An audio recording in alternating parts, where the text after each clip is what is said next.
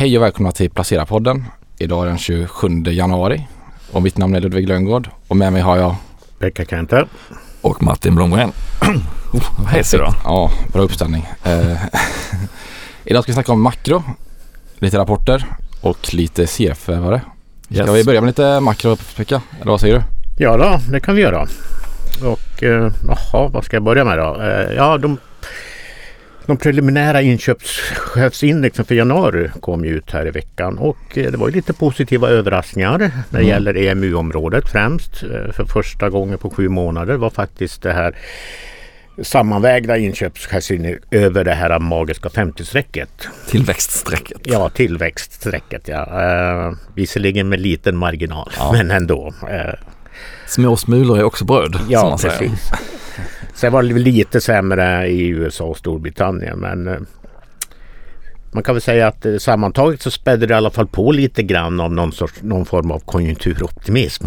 och det kanske låter lite knäppt eftersom alla pratar om recession men det finns någon sorts eh, Ja, det blir i alla fall inte så eh, tokigt som man trodde för några, bara Nej. några månader sedan. Liksom. Mjuklandningsscenariot lever. Ja, verkligen, verkligen. Men är det anledningen tror du till att eh, Europabörsen har gått så starkt jämfört med många andra? Ja, jag menar det var det sjunkande energipriser.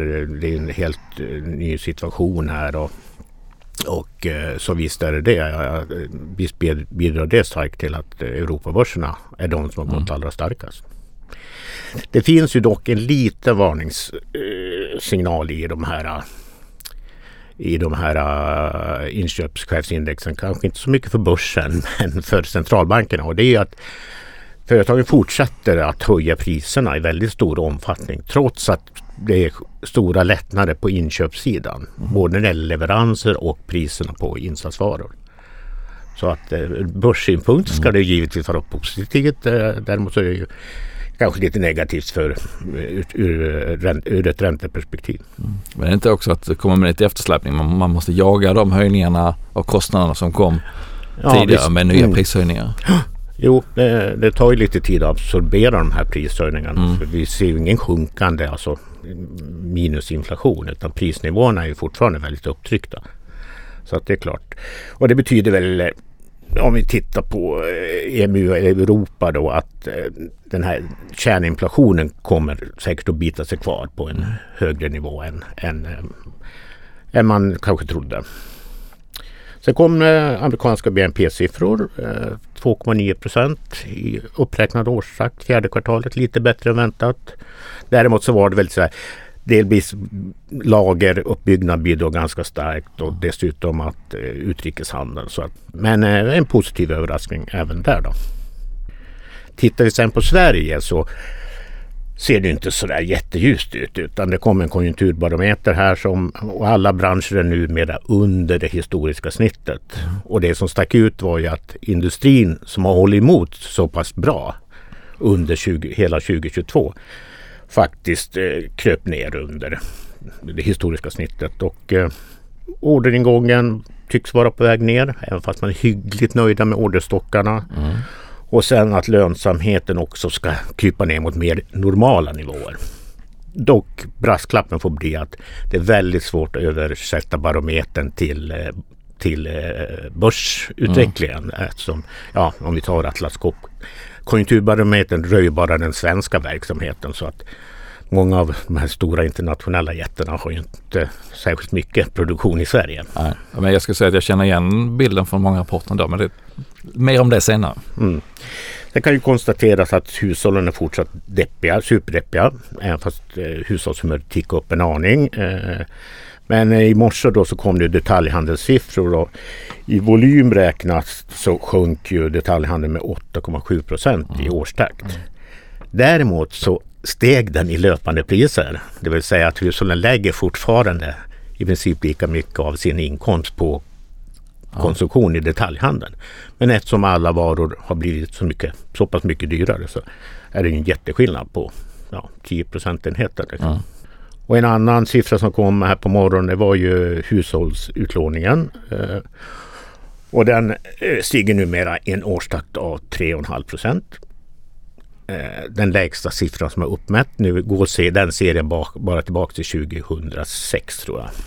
Sen Men en väldigt låg. Eh, så att man st- stramar upp på många Ja. håll när det gäller hushållen. Är det, vad tror du, är det inbromsningar på hus bostadsmarknaden som gör att det inte tas så många nya lån eller? Ja, det är ju hur, alltså jag kommer inte ihåg många procent av, av eh, lånestocken Nej. som är men det är väl 90 procent eller Ja. sånt där.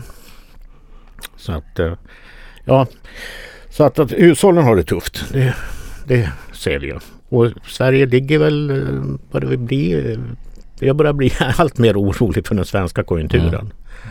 Att det är väldigt lite som drar. Så att, och många tror ju också att svensk ekonomi kommer vara en av de som kommer att utvecklas sämst i år. Vi får se. Och det här är sånt som centralbankerna sitter och räknar och funderar på i bäst, som bäst just nu inför när, när det kommer nya Ja. räntebesked. Ja, nästa vecka så kommer det en hel eh, räcka med räntebesked. Först ut är Federal Reserve på onsdagen, eh, första eh, februari. Och där räknar man marknaden med att man höjer med 25 punkter. Så att förväntningarna har ju kommit ner ordentligt. Mm. Eh, Ja, eh, dock lämnar man ju inga prognoser den här gången. Så det blir väldigt viktigt för börsen vad Powell säger på presskonferensen. Och jag skulle absolut inte utesluta en höjning med 50 punkter. Men blir det sista då eller hur ligger de i, Ja, då, det kan vara eh, den sista höjningen. för den här gången? Ska man För den här tillägga. Och det spekuleras ju redan om räntesänkningar mot slutet, under senare delen av 2023. Då. Men mycket fokus på Powell. ECB kommer dagen efter och här räknar ju i princip alla med att det blir 50 punkters höjning. Ja. Och eh, det har ju varit tuffa besked från Christine Lagarde, eh, ECB-chefen. Ursäkta mitt, mitt fransk uttal. Men eh, och det här tror man ju att det ska eh, komma 50 punkter i februari och sen ytterligare en höj, höjning efter det. Eller ytterligare minst en höjning efter det. Och det, är det, och det har ju Lagarde eh, då bekräftat i sina tal att eh, det är åtstramningar som gäller. Och att man är rädd, eh, inte bara för inflationen utan man ser ju liksom eh, ett upptick när det gäller lönerna också. Så att eh, Men i Sverige får vi vänta till det februari någon gång? som- Ja, 9 februari. Ja. Ehm, och här tror jag alla på 50 punkter. Ja. Och det gör väl jag också. Mm. Även fast jag tycker, eller jag tror att det kommer att visa sig vara ett misstag. Att man drämmer till. Det, Att man det- borde vara lite mer återhållsam nu då? Låta Ja. det spela Mm. ut? eh, Ja, Jag tycker att det finns flera faktorer. Alltså, eh, bland annat att eh, inflationen kommer att dimpa ner rejält eh, om några månader bara. Löneutvecklingen är eh, ingen, ingen ko på isen, verkligen inte. Eh, och sen att lägga ytterligare sten på bördan för hushållen tror inte jag är rätt medicin just nu. Vi får den här eh, åtstramningen som räntehöjningar ska syfta till Ändå. per automatik Ja. ändå. Liksom. Sen är ju att kronan är så himla svag mot euro. Det är ju ett problem. Definitivt ett problem Mm. för Riksbanken. Så det blir en jättespännande vecka nästa vecka. Och kommer att betyda väldigt mycket för börsutvecklingen som har, som har börjat i raketfart här Ja, i år. ja. Verkligen. Och hållit emot bra även här eh, upp nu på fredag morgonen trots lite sura rapporter. Mm. Så att, eh, Ja, hur ser, ett hur ser rapporterna ut? Hittills? Ja, det kan jag berätta. I summering då så försökte jag titta på åtminstone de bolag som Infront sammanställer prognoser på inför rapporterna. Så att, eh, då har jag fått ihop 19 bolag och om man tittar på, nu ska jag ta fram listan så jag inte ljuger för det här. Eh, det, då kan man väl säga att det började ganska bra förra veckan. Sandvik bra, Ericsson mindre bra men de hamnar lite utanför. Eh, För att de alltid är så stökiga. Men sen tycker jag de sista dagarna här så har det kommit krypande mer och mer negativa överraskningar. Speciellt nu på fredag morgon och igår. Bland de vad ska man säga, mellanstora bolag sådär som Gränges, Billerud, Dometic, väldigt Mm. svag. H&M Hemmet. väldigt mycket sämre. Hemnet, H&M mycket sämre än väntat. Så att bland de här 19 bolagen som jag eh, summerade på här nu på morgonen så är det faktiskt 68% som har kommit in lägre än väntat. Då. Ja, det inte brukar ju vara tvärtom att två tredjedelar ungefär är positiva överraskningar. Eh, Så skulle det här stå så hela rapportperioden, nu är det långt kvar, så är det faktiskt ganska anmärkningsvärt att, att så stor eh, majoritet är sämre än analytikerna hade förväntat sig. Eh, På försäljning och order så är det mer jämnt mellan positiva och negativa och Mm. de som har varit som väntat. Så att det är ju ett tecken på att, att de här kostnads, som vi var inne på med priserna, kostnadsökningarna man har fått har man inte riktigt lyckats kompensera. Eller som i vissa fall då att man för att leverera på sina stora orderböcker har behövt köra för fullt och kanske betala lite mer eh, för övertid och betala underleverantörer i sin tur för att, för att det ska eh, Mm. funka helt enkelt. Eh, och det tär på marginalerna. Men så var det, på- i Volvos fall var det väl så att det, Exakt. det såg ganska dåligt ut med fallande orderingång och eh, marginal. Ja, precis. Eh, ska, vi kan prata lite mer Volvo sen men, Oj. men om man bara tar den stora rapportbilden så outlooken i de flesta bolag har ju varit ganska okej ändå. Atlas kom med, hade negativ orderingång men sa ändå att Q1 kommer att vara oförändrad nivå. Eh, Volvo som du är inne på, lägre orderingång. Samtidigt så har de, upprepar de sina prognoser för totalmarknaden både Nordamerika och Europa. Trelleborg nämner att de tycker sig se tecken på att vi går in i en svalare period. Men eh, all in all så skulle jag säga att det, det handlar mer om att det planar ut på en väldigt, väldigt hög nivå. I vissa fall lite svagare. Och flyg, och olja, gas som har varit lite så här släpande sektorer är det fortfarande bra tryck i nu. Fordon ganska bra. Men sen allt som har med bygg och anläggning att göra och konsumentrelaterat som speciellt kanske är riktat mot elektronik och sådär. Ganska tydligt svagt i många, i många bolag.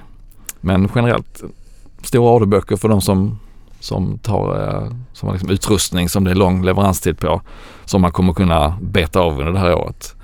Och Volvo pratar om att man tar nu order för Q3, Q4 så att man har ju nästan hela årets täckning snart för att ha bra eh, intäkter detta året. Så att mjuklandningsscenariot lever ju ändå och man kan väl kanske hoppas att Kina då som ändrar covid-strategi och öppnar upp kanske, kanske kan bli det en, en liten överraskande positiv faktor. Men, eh, men som sagt, det har kommit krypande skulle jag beskriva det som eh, mer svaghet i rapporterna än vad det var första dagarna.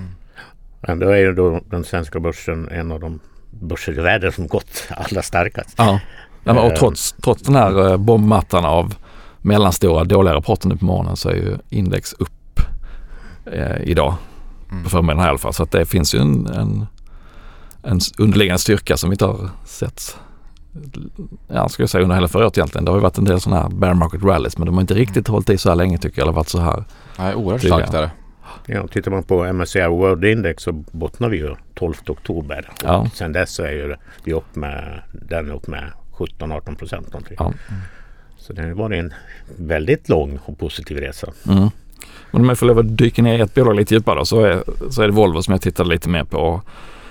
Som är ganska typiskt då. De hade bra försäljning eh, för att de har haft en stor orderbok som de kan leverera ut på nu. Men de ser då att eh, orderingången går ner lite vilket beror på att man är återhållsam och tar order som man ska leverera ja, 6 till 9 månader bort därför att man vet inte hur kostnadssituationen ser ut då. Så att är man hellre försiktig. Eh, men vinst, eller marginalen då blir ganska mycket sämre och då, då pekar de på att det är i, i stora drag medvetna val de har gjort att, att eh, köra för fullt, övertid, betala eh, underleverantörerna mer för att de ska hinna få ut produkterna. Eh, och det, marginalmissen berodde på det men jag skulle ju säga att det är precis som de själva säger att det faktiskt är rätt, rätt val att göra. Att ta lite kostnad på marginalen nu men i gengäld så har man då lojala kunder som vet att hos Volvo får man det man beställer. Man får det så fort de bara kan leverera. Och sen kommer jag då ha eh, serviceintäkter i en massa år framåt. Så att rätt val att göra. Det är inte så att marginalen klampar ihop. Den gick väl från 10 till 9 procent. Så att, Mm. har Har man- så brutalt då? nej, och har man sett hur det har sett ut i Volvo i tidigare nedgångar så vet man att det, det här är ju ganska små förändringar. Så att, jag landar ändå i att trots att vi är på rekordvinster att Volvo fortsatt, fortsatt är vad ska man säga, en svag köp eller en behåll Mm. åtminstone. Eh, P-tal, Hur gick eh, aktien på rapporten? ja men det gick ner först en 4-5 procent och sen hämtade den sig till, jag tror den stannade på kanske på 2 procent ner. Nu är den uppe idag. Men, eh, ja, men P-tal på 11, visserligen på toppvinst, men de har en enorm nettokassa, 74 miljarder om jag inte minns fel. Så att den här extrautdelningen som de har gett i flera år kommer de kunna fortsätta med. Och då ligger direktavkastningen på 7 procent. Eh, och det här trots då att de investerar ganska mycket i att vara ledande på elektrifiering. Så att de kan liksom nästa vad ska man säga, generation av lastbilar vara de som, som ligger långt fram. Så att jag skulle ändå våga betta på att de kommer att segla igenom den här avmattningen eller lättare lågkonjunkturen eller vad det blir med skapligt bra lönsamhet och man har en lång orderbok man kan leva på. Eh, och komma ut som vinnare på Hur stor försäljning har de i Kina? Apropå att Kina nu öppnar upp och Ja, ska få fart på sin De har- ekonomi. de har en del men framförallt är det på anläggningssidan då, grävmaskiner eh, som är stort där. Och den har ju redan fallit så att säga. Så där, där har ju nedgången kommit under 2022 och ännu tidigare. Så där skulle jag säga att det är mer en potential än en, en risk Mm. i i marknaden just nu. Men jag tror inte någon egentligen räknar med att det ska skjuta rakt upp. Så att skulle det göra det så är det, så är det mer en, en positiv faktor. Men Och hur stor del av an, an, alltså intäkterna är service då? nej, den har jag faktiskt inte i huvudet på rak arm. Men det blir, en stor, eh, det blir en stor del eftersom det är över lång tid. Så att man kan ju ta en lägre marginal på utrustningen om man sen vet att man har serviceintäkter under väldigt, väldigt många år. Ja men som koner då. Och det skapar lojala kunder, precis. Så att, och det kommer ju bli en ännu, kanske en ännu viktigare faktor när man elektrifierar då, att hur stor andel som kommer från den som initiala försäljningen och hur man kan skruva affärsmodellen mot att man, man har löpande intäkter under hela fordonets livslängd. Då. Mm.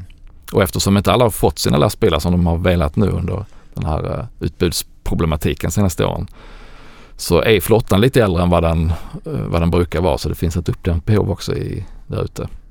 Men allt det här bygger ju på något sätt på att det inte blir en jättehård landning för då, då är det ingen som beställer lastbilar. Men en, ett, i ett lätt lågkonjunkturscenario eller mjuklandningsscenario så, så skulle inte jag vara speciellt rädd som aktieägare. Och jag är själv aktieägare så och jag är inte speciellt rädd. Och stabilt. Ja. Och sen kommer det väl, eh, sen pratar jag många om att det det kommer en investeringsboom här.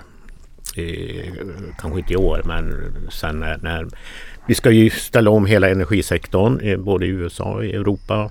Så att det kommer bli eh, troligtvis betyda väldigt mycket investeringar under en lång följd av år om man Ja. ska uppfylla sina löften om eh, utsläpp och liknande. Alltså de som, som ligger rätt där, som har kapaciteten att investera i sin egen verksamhet för att ha en bra position kommer ju bli vinnare på över tid. Det kliar inte i fingrarna på Volvo att använda kassan till något köp. Jag Eller vet finns det faktiskt, någon? Ja, finns det någon? eh, Det är ju ganska hyfsat välkonsoliderat och de är ju ett eller tvåa på de flesta marknader så att jag tror inte de är så sugna på att göra någon sån här Bamse-merger utan då är det nog snarare att köpa in sig i teknik som kommer bli viktig för omställningen med, ja, med vätgas, elektrifiering, hela den biten. Och där gör de säkert en hel del små och mellanstora men jag tror inte på inte de här jätteförvärven.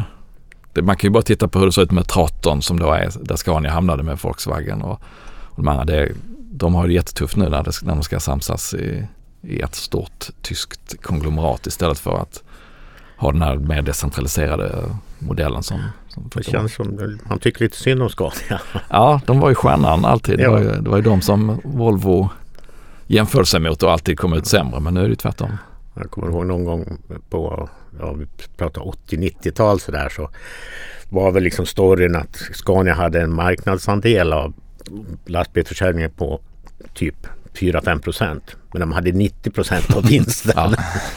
Lite som Apple. I, Ja. Ja. Så, ja. Nej, men det, ja, det är lite tragiskt att se hur Scania har hamnat, eh, hamnat i en situation eller i en, eh, vad ska man säga, en roll där de inte kan blomma ut.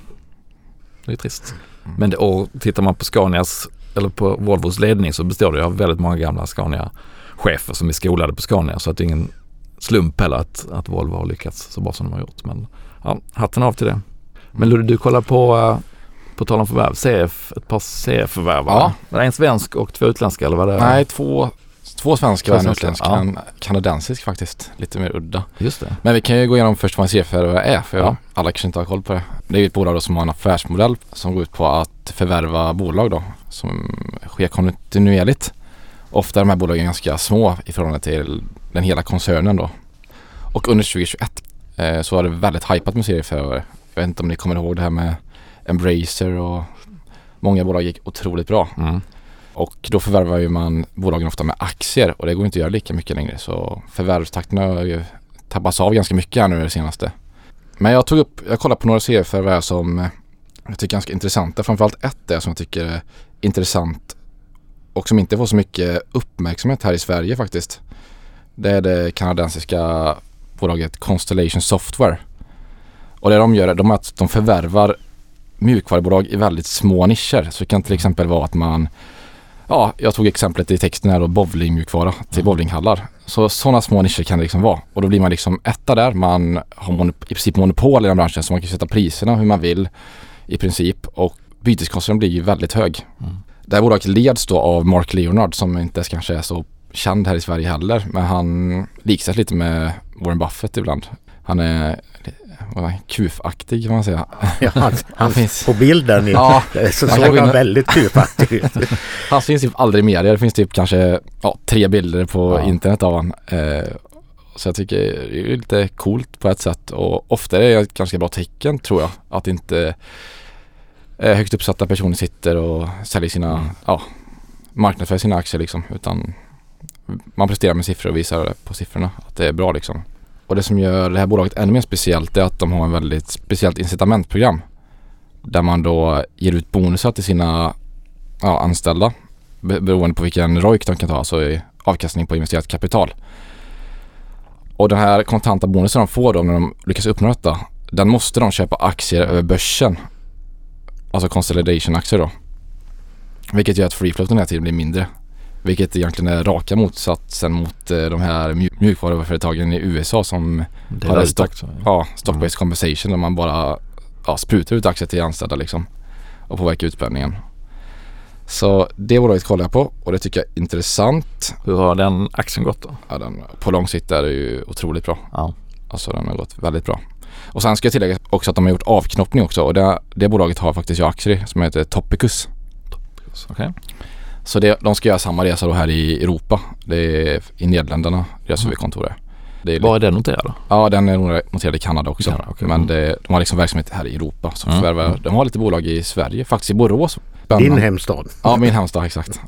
Och sen har jag även kollat på ett annat bolag som heter eh, Indutrade. Ja. Och jag tror att ni har koll på. Det kanske är lite mer stabilt kan man säga. Det är väldigt, ja det genomsyras ju av kvalitet kan man De är en av föregångarna i Sverige på den eh, arenan kan man ju säga. Mm. Ja, jag tror det är, om det inte är det största eh, serieförvärvarbolaget i Sverige sett till omsättning tror jag. Om det är det eller Lifco. Och det tycker jag, det känns som en väldigt kompetent ledning där och bra huvudägare med Lundbergsföretagen. Så jag tror Mm. också det är ett väldigt bra bolag. Aktierna har gått otroligt bra också. Mm. Ja, jag minns när de noterades. Det var väl Industrivärden som var helägare till dem då och de satte det på börsen och det var ah, det var ingen som ville ta i det här riktigt. Det var ju urtråkigt tyckte alla komponenter och liksom pumpar och flödesgrejer och så de hade väl så här P 10 kanske. Det var ingen som fattade Oj. poängen riktigt med det här. Sen såg man ju successivt då hur de hur man hela tiden underskattade tillväxten eftersom analytikerna sällan lägger in förvärv som inte är gjorda i prognoserna. Så att de såg hela tiden ut som att de växer inte så snabbt framåt. Men när man tittar bakåt så såg man att eftersom de har den här förvärvsmodellen som fungerar väldigt bra så underskattar man ju alltid tillväxten. Så att eh, Det var 2005 det var som de noterades här för mig. det kan ju stämma ja. Ja. Så att, och det Ja, det har varit en fantastisk resa. Att hålla på med tråkiga grejer också kan ju för sig vara typ en Ja. alltså konkurrensfördel. Liksom, att ingen är där och vill hålla på med det. Mm. Som ja, i både Indutrade och Constellations fall. Det är inte så att någon liksom kommer ut från universitetet och vill göra bowlingmjukvara. Det är väl, Säg inte det, säg inte det. fast väl ofta Då dissar du Pekkas dröm här. Ja, exakt. Ja, och sen hade jag kollat på ett lite mindre serieförvärvsbolag här som heter Technion då. Som är en liten joker. Och de har ju liksom Lifco och Indutrade och Bergmo Beving som förebilder. Så jag tycker också det är ett väldigt spännande bolag men där är väl också risken betydligt högre. Men jag tänkte, jag drog med som en liten joker bara. Mm. Så det får man läsa text om man vill veta mer om. Ja, Men om jag skulle sätta en pistol mot ditt huvud och tvinga dig köpa en av dem, vilken skulle du Just ta nu? då? Ja. ja men det är nog Constellation. Mm. Jag tycker det känns ja, det lät som bra. spännande. Ja, Något man inte bra hittar här kanske. Nej. Så den tror jag man kan tänka på lång sikt, absolut. Mm. Så det var väl det om C-förarna. Har ni köpt någonting i veckan då själva? Eller sålt? Ja, jag har ju blivit av med min oskuld. Alltså. Min blankningsoskuld. min blankningsoskuld. Jag har faktiskt blankat börsen lite grann. Jaha. Ja, det det. Jag tycker att marknaden har tagit ut väldigt mycket positivt Ja. i förskott. eh, Och sen, jag tänkte att jag skulle avvakta och se vad centralbankerna hittar på. Men eh, jag, eh, jag tror väl att ECB, kom, ECB i alla fall kommer att vara rätt tuffa. Det kan nog Ja. slå mot europeiska aktier. Sen är det ju osäkert om Fed eh, verkligen levererar det som marknaden. Mhm. Men alltså, jag har gått lite i förväg här då. Ja. Men eh, ja, I hittills svenska börsen eller? Svenska eh, börsen. Ja, Mm. någon sån där bear-certifikat? Ja, eller exakt precis. något, Ja. Eh, Sen är det väl lite sånt där som jag inte ska hålla på med. Men eh, jag gjorde Ja. det i var det, tisdags morse. Ja. Och så att det är fortfarande lite upp på Ja. den. Ah, Spännande. spännande. Den såg jag inte sen- komma. Ja, jag såg inte. Jag blev lite chockad faktiskt. Ja, sen, är, sen är ju alltid det där problemet som vi har våra regler med 30 dagar och så Ja. Alltså, så att eh, när man går in och blankar så är eh, visst man, kortsiktigt kan man kanske göra en vinst men man kan ju inte plocka ut den utan Nej. man är tvungen att vänta sina 30 dagar. Det tror jag ni också har varit med om. Liksom. Mm. Att, Ja, verkligen. Ja. Det är svårt med timing även utan de här reglerna. Som ja, precis. Ja, verkligen. Men det är också lite kul. Ja, ja, nej men det är, normalt så, så säljer jag Mm, eh, mm. de aktier jag har och ökar på kassan om jag är nervös. Men eh, den här gången testar jag en annan variant så får vi se hur det går. Jag Spännande. Ja, här ska med en utvärdering Ja, om 30 dagar. 30 dagar efter oskulden. Ja. Ja. Spännande. Ludvig då? Har du också någon chockbesked att komma med? Nej, det är väldigt tråkigt där borta. Ja. Inte någonting. Men eh, jag tycker verkligen Hermes har kommit upp i mina Ja, lyx. eh, Ja, jag tycker det ser väldigt fint ut så jag ska kolla närmare på det. Men det, det tar fasen emot nu att köpa liksom. Den har gått upp väldigt mycket. Ja. Har du Nej. gjort någonting Martin? Nej, jag har inte heller gjort någonting. Jag tänker efter. Nej, det har jag inte gjort. Jag köpte ju lite småbolag här veckan men har fortfarande en del kassa kvar så att eh, ja, jag ligger i sådär mellanläge. Hopp, och hoppas på att det fortsätter upp men inte för mycket. Ja, det låter bra. Att, ja, nej, inga, men inga nya affärer. Men då ska vi ta helg då. Ja, det gör vi. Vi. Tack för att du har lyssnat. Hej. Trevlig helg. Hej. Hej hej.